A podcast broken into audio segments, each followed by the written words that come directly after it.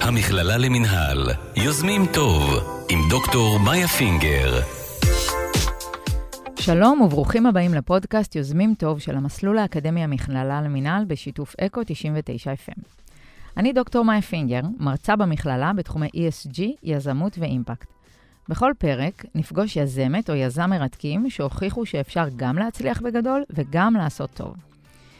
יחד איתי נמצא היום עמנואל בוחבוט, יזם אימפקט ומומחה למדידת אימפקט. עמנואל הוא בעל ניסיון של מעל 15 שנים בפיתוח, מחקר וניהול פרויקטים בעולם החברתי. הוא מגיע מרקע של לימודים בתחום מדעי המוח, ומלמד כיום סטטיסטיקה ושיטות מחקר במוסדות אקדמיים שונים. היי, עמנואל. היי. כיף שאתה פה. כיף שהזמנתם. אז אה, עמנואל, אם אני מסתכלת על הדרך שבעצם אתה עושה בשנים האחרונות, בעשור האחרון, העשייה העיקרית שלך היא בעצם יזמות אימפקט ומדידת אימפקט. כן, מזוויות שונות, יזמות אימפקט אה, פרויקטלית, אחר כך פיננסית, והיום טכנולוגית. וואו, תרחיב לנו, שתף אותנו קצת. כן, אז uh, התחלתי את הנגיעה שלי בעולם האימפקט בתכלס מהתקופה שבה לא הייתי באימפקט. Uh, עבדתי במכון מחקר מאוד גדול, ועשיתי מחקרים עבור יבואנים של רכבים וסיגריות ומשקאות ממותקים. הכי לא אימפקט. הכי לא אימפקט. והייתה עבודה ברמה המקצועית מרתקת, אבל בסוף היום אתה אומר לעצמך, האם זה מה שאני רוצה לעסוק בו? והתשובה היא כמובן לא. Uh, ומצאתי את עצמי בקרן רש"י, עושה מחקרים על uh, אימפקט של uh, פרויקטים חברתיים, שזה ריתק אותי, ועוד יותר ריתק אותי לראות את האימפקט הכלכלי שיש לתוצאות חברתיות. כי בסוף ילד שמסיים עם בגרות בזכות איזושהי התערבות, או ילד שמשתלב בהשכלה גבוהה, או כל, כל השפעה כזאת חיובית על, על חיים של אנשים, יש לזה אימפקט כלכלי מאוד מאוד גדול. מה שבסוף הוביל אותי uh, להיות חלק מהמייסדים של uh, פייננס, שעוסקת ביזמות אימפקט, אה, בכלים פיננסיים מתקדמים, מגייסים כסף ממשקיעים, משקיעים בפרויקטים חברתיים, מודדים תוצאות, ואז, אם זה מצליח, משלמים חזרה למשקיעים. בעצם קורלציה מלאה בין אה, הצלחה חברתית להצלחה פיננסית, אה, ואת זה עשיתי שבע שנים, עשינו לא מעט פרויקטים, תכף נרחיב על זה אני מניח, אה, והיום אני עוסק ביזמות אימפקט אה, טכנולוגית במסגרת אה, תפקידי כמנכ"ל טריביו. אז היום, כמו שאמרת, אתה מנכ"ל טריביו, ו... העשייה המרכזית של החברה זה יותר תחום ההתנדבות, נכון? ושתף אותנו בעצם מה אתם עושים. אנחנו בעצם מציעים כלי טכנולוגי לחברות עסקיות שרוצות לעודד התנדבות של עובדים, מעורבות בקהילה. היום יותר ממש מתגבר מיום ליום ההבנה שעובדים, לא מספיק להם רק uh, תלוש שכר, הם רוצים להרגיש מחוברים למקום העבודה. מקום העבודה צריך לשקף איזה שהם ערכים, uh, והתנדבות היא כלי נהדר לעשות את זה. אה, אני לא מדבר על אה, פעם בשנה, אלא משהו שהוא שגור, המעורבות בקהילה הזאת, לעשות משהו שהוא גם קשור לתחום העיסוק. למשל, אנחנו עובדים עם חברות סייבר, ששולחות את העובדים שלהם להתנדב בללמד ילדים אה, קורסי אוריינטציה לסייבר. ואז זה מעניין אותם, זה מדליק אותם, הם רוצים להשתלב בעולם הזה. אה, והעובדים נרתמים מזה, הקהילה נתרמת מזה, כולם נורא נורא מרוצים. עשו המון מחקרים על התנדבות עובדים, מצאו שזה מגביר את הגאווה ותחושת המחוברות לארגון ב-90 ומשהו אחוז, across the board, בכל מחקר שעשו. אה, אז עובדים שמתמודדים עם בעיות של אה, נשירה ומחוברות ומוטיבציה, ברגע שמכניסים את הדברים האלה, פתאום הכל משתפר, אנשים מרגישים גאים לבוא לעבודה ולדבר על זה בשולחן שישי. מחבר אותם בעצם יותר למקום שבו הם עובדים. ברמה מדהימה. אתה יודע, אה, מעניין אותי לדעת אם מהניסיון שלך, אה, אנשים שנגיד אף פעם לא עשו התנדבות ולא התנסו בהתנדבות, קשה לעורר אצלהם את הרוח הזו? או שצריך לעשות איזשהו רק טריגר קטן או משהו קטן, ואז משם הם לוקחים את אה, העניינים לידיים? שאלה מצוינת. בדרך כלל זה הולך ככה, יש איזשהו גרעין קשה שזה בנפשו, ויש את אלה ש... עזוב אותי התנדבות, כאילו בוא, אני, התפקיד שלי זה לתכנת איזה משהו, לעשות, כאילו, למה לי להתנדב? אה, והרבה מאוד פעמים, כשהאדם יוצא להתנדב והוא רואה מה זה עושה בצד השני, אה, זה מעורר איזשהו חיידק. אנשים רוצים לעשות עוד ועוד טוב, הם לא מאמינים שזה מרגיש כל כך נפלא, שהצד השני מוקיר תודה. אה, כשההתנדבות היא באמת מול אדם בקהילה שבאמת צריך את העזרה הזאת. זה פשוט דבר מדהים. כאילו בעצם מחברים פנים ל, ל, לצורך הזה. זה לא מישהו צריך אותי, אלא באמת, אני באה ואני עוזר למישהו, אני מתנדב אצלו, אצלה בבית, ואני מחבר לזה ממש פנים, זה מחבר אותך יותר. מאוד. תחשבו בדרך כלל כשאומרים את המילה התנדבות, הקונוטציה הראשונה שתעלה היא לצבוע איזה מקלט, נכון. או כאילו, וזה לא. ההתנדבות היא מזמן לא שם. כלומר, תחשבו על ללוות אה, ילד בסיכון, ב- להיות מנטור שלו לאורך החיים. ללוות אותו פעם בשבוע, לעשות איתו שיחה, פגישה, לצאת לפיצה. אה, תחשבו על אה, ספורט עם, אה, עם חבר'ה עם, אה, ש- שסובלים מאיזושהי אה, מגבלה. אה, יש המון דוגמאות לדברים שהם פשוט ב- בקשר הבין-אישי בין אנשים, שמייצר מערכות יחסים מאוד משמעותיות לאנשים ונותן להם משמעות מאוד גדולה לחיים בתוך השגרה, וזה המשהו היוצא דופן. זה נשמע מאוד משמעותי. זה, זה מדהים. אתה יודע, דיברנו מקודם, אתה מדבר עכשיו על ההתנדבות, וזה נשמע שאתם עושים דברים מדהימים, אבל בשורה התחתונה, כיום טריביו היא עסק חברתי, או איזושהי אה, עמותה במסגרת שהיא פועלת בה, ומעניין אותי לדעת בתור מישהו יזם אימפקט, אה, איך, אתה, איך בעצם לוקחים עסק שהוא יזמות חברתית, או אה, עסק חברתי, ובעצם הופכים אותו לעסק אימפקט, כלומר, שלדאבל בטם ליין, לוקחים את השורת רווח החברתית, סביבתית, ומעשירים אותה ומרחיבים אותה לשורת רווח אה, כלכלית, בנוסף. אמ, אוקיי, אז אז יזמות impact בעצם מנסה לחבר בין עולם שמודד רק שורה, שורה אחת. בעולם החברתי מנסים למדוד את התוצאות החברתיות, בעולם העסקי מנסים למדוד את התוצאות העסקיות, ועולם ה-impact בעצם אומר למה יש אה, שתי שורות, בואו בוא נאחד אותן. אה, כשלוקחים משהו שהוא non-profit, שהתחיל כעמותה, כפילנטרופיה, כבוא נעשה כזה משהו שיש לו uh, תוצאות חברתיות, uh, ורוצים להפוך אותו למשהו שהוא גם יודע to do good ברמה הפיננסית, uh, המפתח הוא לשאול מה, מה אנחנו מודדים, אוקיי? מה המדדים שמכווינים אותנו. האם מה שמכווין אותנו זה רק, uh, נגיד שהיינו עמותה ועכשיו אנחנו רוצים להרוויח הרבה כסף, האם זה מה שמכווין אותנו? או, שמ, או שמעניין אותנו אה, לראות כמה שעות של התנדבות יש בקהילה, בכמה ילדים נגענו, בכמה ש, חיים שינינו, כן? מה אנחנו מודדים בעצם? ברגע שמגדירים את המדדים האלה, הכל מתכנס ביחד. והחוכמה היא להיות מסוגלים לבוא ולשים יעדים אה, ומדדים שהם מסתכלים גם על שורת הרווח הפיננסית וגם על שורת הרווח החברתית ביחד, וזה מסובך, כי הרבה פעמים יש מתח בין הדברים. נכון. אה, זאת אומרת, הלב הוא במדידה בעצם. הלב הוא במדידה. לגמרי. כלומר, ברגע שאני יודעת למדוד מה אני עושה ואיך אני עושה, אני יכולה לתרגם את זה גם לכסף. בדיוק, וזה גם, אה, לאורך הדרך ביזמות אימפקט יש המון פיתויים והמון קושי בלומר לא להזדמנויות. יש המון הזדמנויות שצצות. הזדמנויות שאולי יהיו יותר טובות בצד החברתי, אבל פחות בצד העסקי, והפוך. אה, והחוכמה, ברגע שיש לך את המדדים, זה נורא נורא מאפס אותך, זה כמו מצפן. Mm-hmm. אתה יודע לאורך כל הדרך מה אתה רוצה להשיג ואיך אתה רוצה להגיע לשם, וזה פשוט מנקה המון רעש. יש המון יזמויות שהתחילו כיזמויות אימפקט, ואיבדו את הדרך, לאורך הדרך, פשוט הפכו להיות נורא נורא עסקיים ולא מודדים אימפקט ולא מעניין אותם, כי זה נורא רווחי לוותר על, ה, על הצד האימפקטי. אני חושב שזה פספוס ענק, אבל ברגע שחברה יוצאת לדרך, היא חייבת, פשוט חייבת, להגדיר מה המדדים שהיא עוקבת אחריהם, ברמה החברתית וברמה העסקית. ואיך מייצרים קורלציה ביניהם. יש מצבים שזה נורא מפתה לוותר על הקטע האימפקטי ולהתמקד בעסקי, או אולי ההפך. גם אולי ההפך. תן דוגמה לככה משהו שקרה לך, או הזדמנות שהייתה לך, שוויתרת, שהייתה עשויה לגרום לך או ללכת לצד אחד ולצד שני.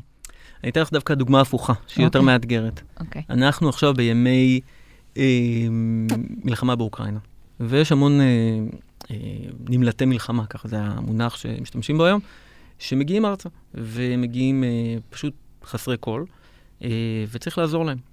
וזהו שעתה היפה של ההתנדבות. אה, עכשיו, זה, זה לא משהו שאנחנו כחברת טכנולוגיה אה, עושים, אנחנו לא עוסקים בזה, זה לא מכניס לנו שום דבר, אבל פה נשאלת השאלה, האם אנחנו נכנסים לפעילות שהיא לחלוטין חברתית, ואין בה שקל אה, ושום דבר אה, רווחי, כן או לא. ופה יש מתח. אה, איפה המקום שלנו? זו דוגמה קלאסית, ואנחנו מתמודדים עם השאלה הזו היום. אגב, התשובה היא שאנחנו כן עושים את זה. אפשר להרחיב על זה אם תרצי. אבל יש גם דוגמאות אחרות. למשל, שת"פים עם חברות מסחריות, שיבואו ויציעו שיתוף פעולה, כשאתה יודע שהחברה המסחרית הזו היא החברה הכי מזהמת ב- ב- בכל קנה מידה אפשרי, אני לא רוצה לנקוב בשמות, אבל אה, חברה מאוד מאוד מאוד מזהמת, שאין לה שום אה, אסטרטגיה לשנות את זה. אה, כשהשת"פ הוא בעצם דרך לעשות ווש. עמנואל, לטובת המאזינים שלא מכירים כל כך את התחום, בוא תגיד כמה מילים על למה הכוונה בווש. ווש הוא אה, מונח שמתאר אה, ניסיון למרק את המצפון, המצפון התאגידי. דמייני לך אה, חברת אה, פורנו, אה, או חברה שעושה...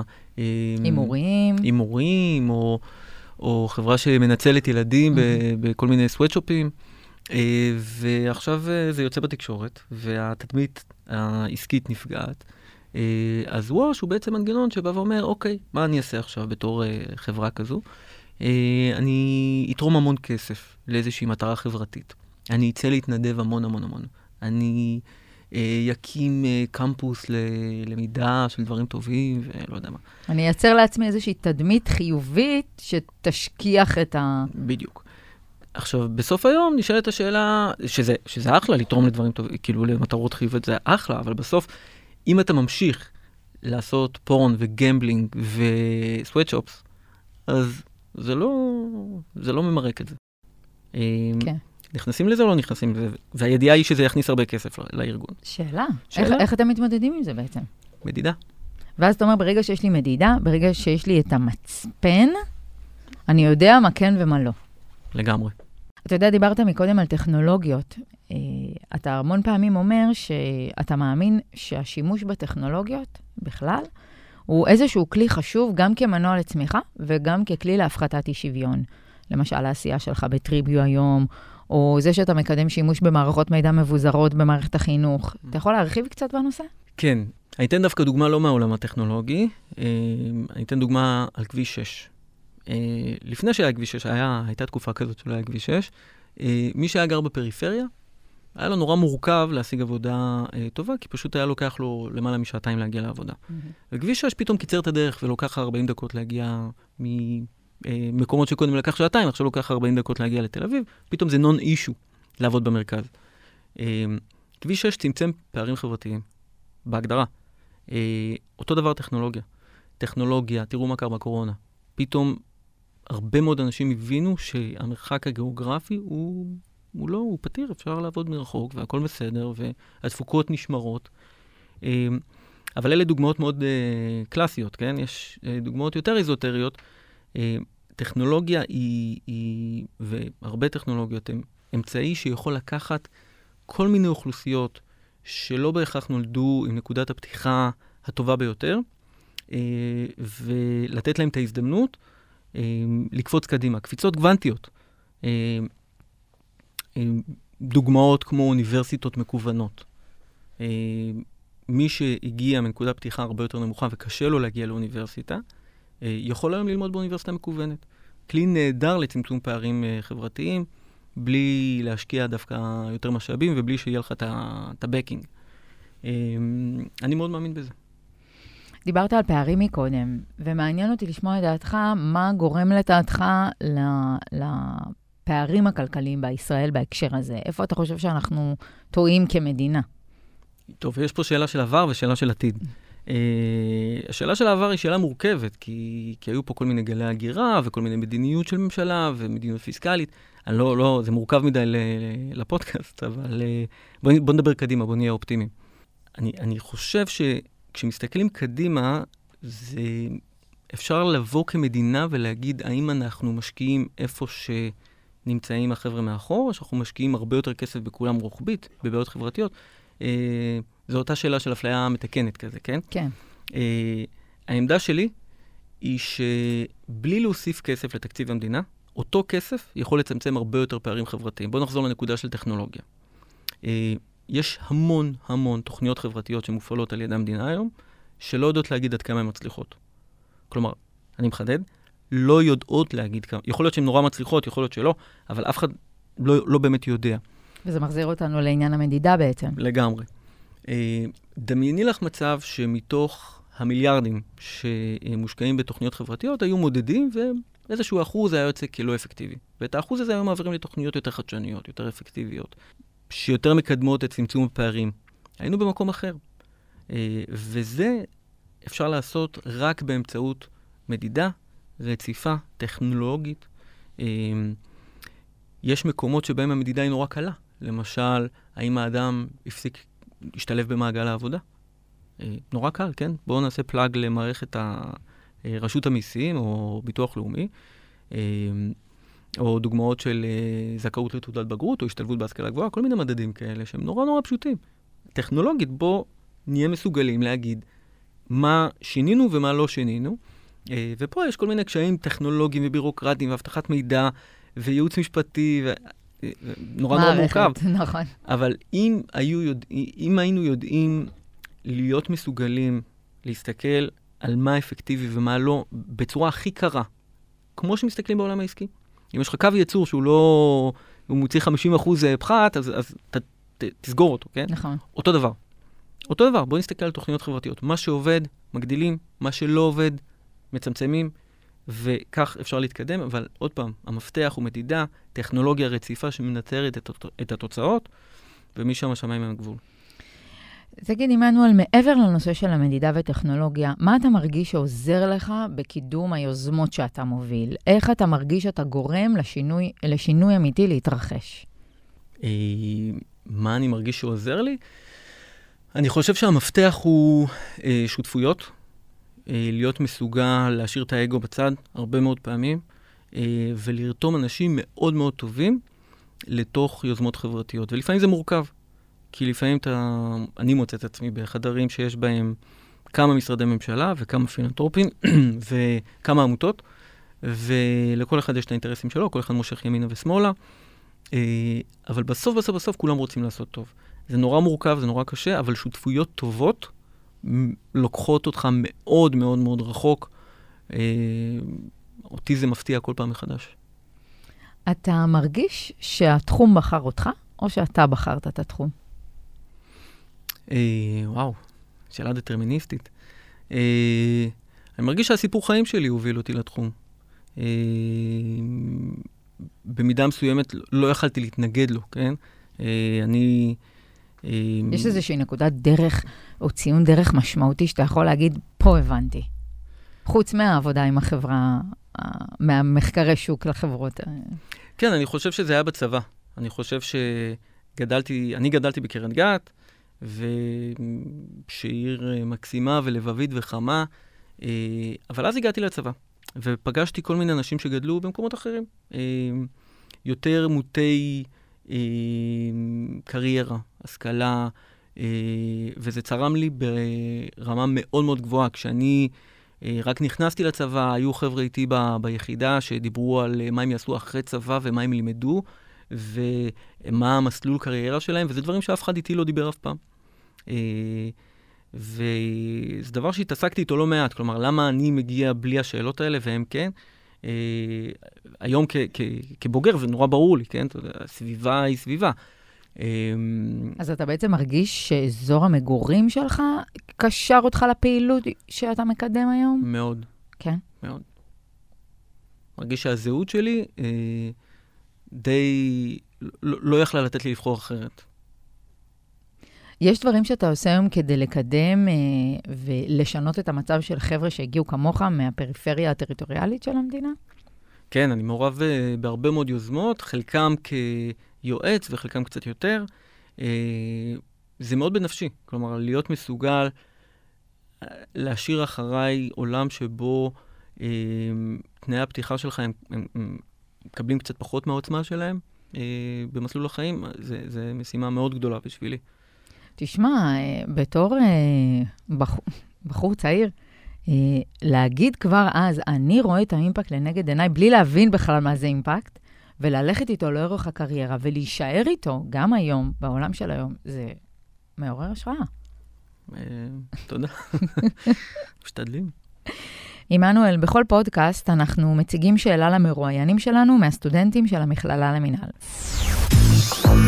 אפשר שאלה? היום שואל אותנו רון שטרוסברג, סטודנט שנה א' מהחוג לפסיכולוגיה. עמנואל, איך היית ממליץ לאנשים שכן רוצים להתנדב ולתרום להתחיל? בייחוד שההרגשה היום שיש כל כך מעט שאנחנו יכולים לעשות ביומיום, וכשהחיים לא מאפשרים בהכרח לפנות מקום בסדר העדיפויות. אה, וואו, זה ממש הרמה להנחתה. אה, יש המון דברים שאפשר לעשות, לא בהכרח צריך לפנות את סדר היום. אה, מה, אם הייתי אומר לך, רון, שאתה יכול לפתוח אפליקציה ולראות במפה מסביבך, האם יש משהו ליד הבית, מישהו ליד הבית שצריך את העזרה שלך. קוראים לזה טריביו, אפליקציה טריביו. זאת אומרת, אתם נותנים את השירות גם לחבר'ה פרטיים, לא רק למוסדיים? נכון. חבר'ה מוסדיים נהנים מ-marketplace של מקומות התנדבות, מהמם. אה, ו-Back Office CRM היא מאוד מאוד מפותח, שמאפשר להנהלות של ארגונים ותאגידים לדעת מה רמת ההתנדבות בארגון, אבל גם פרטיים יכולים להוריד את האפליקציה, להסתכל על המפה, לפלטר לפי ימים ושעות ונושאים שמעניינים אותם, ופשוט לבחור את ההתנדבות ו-up you go.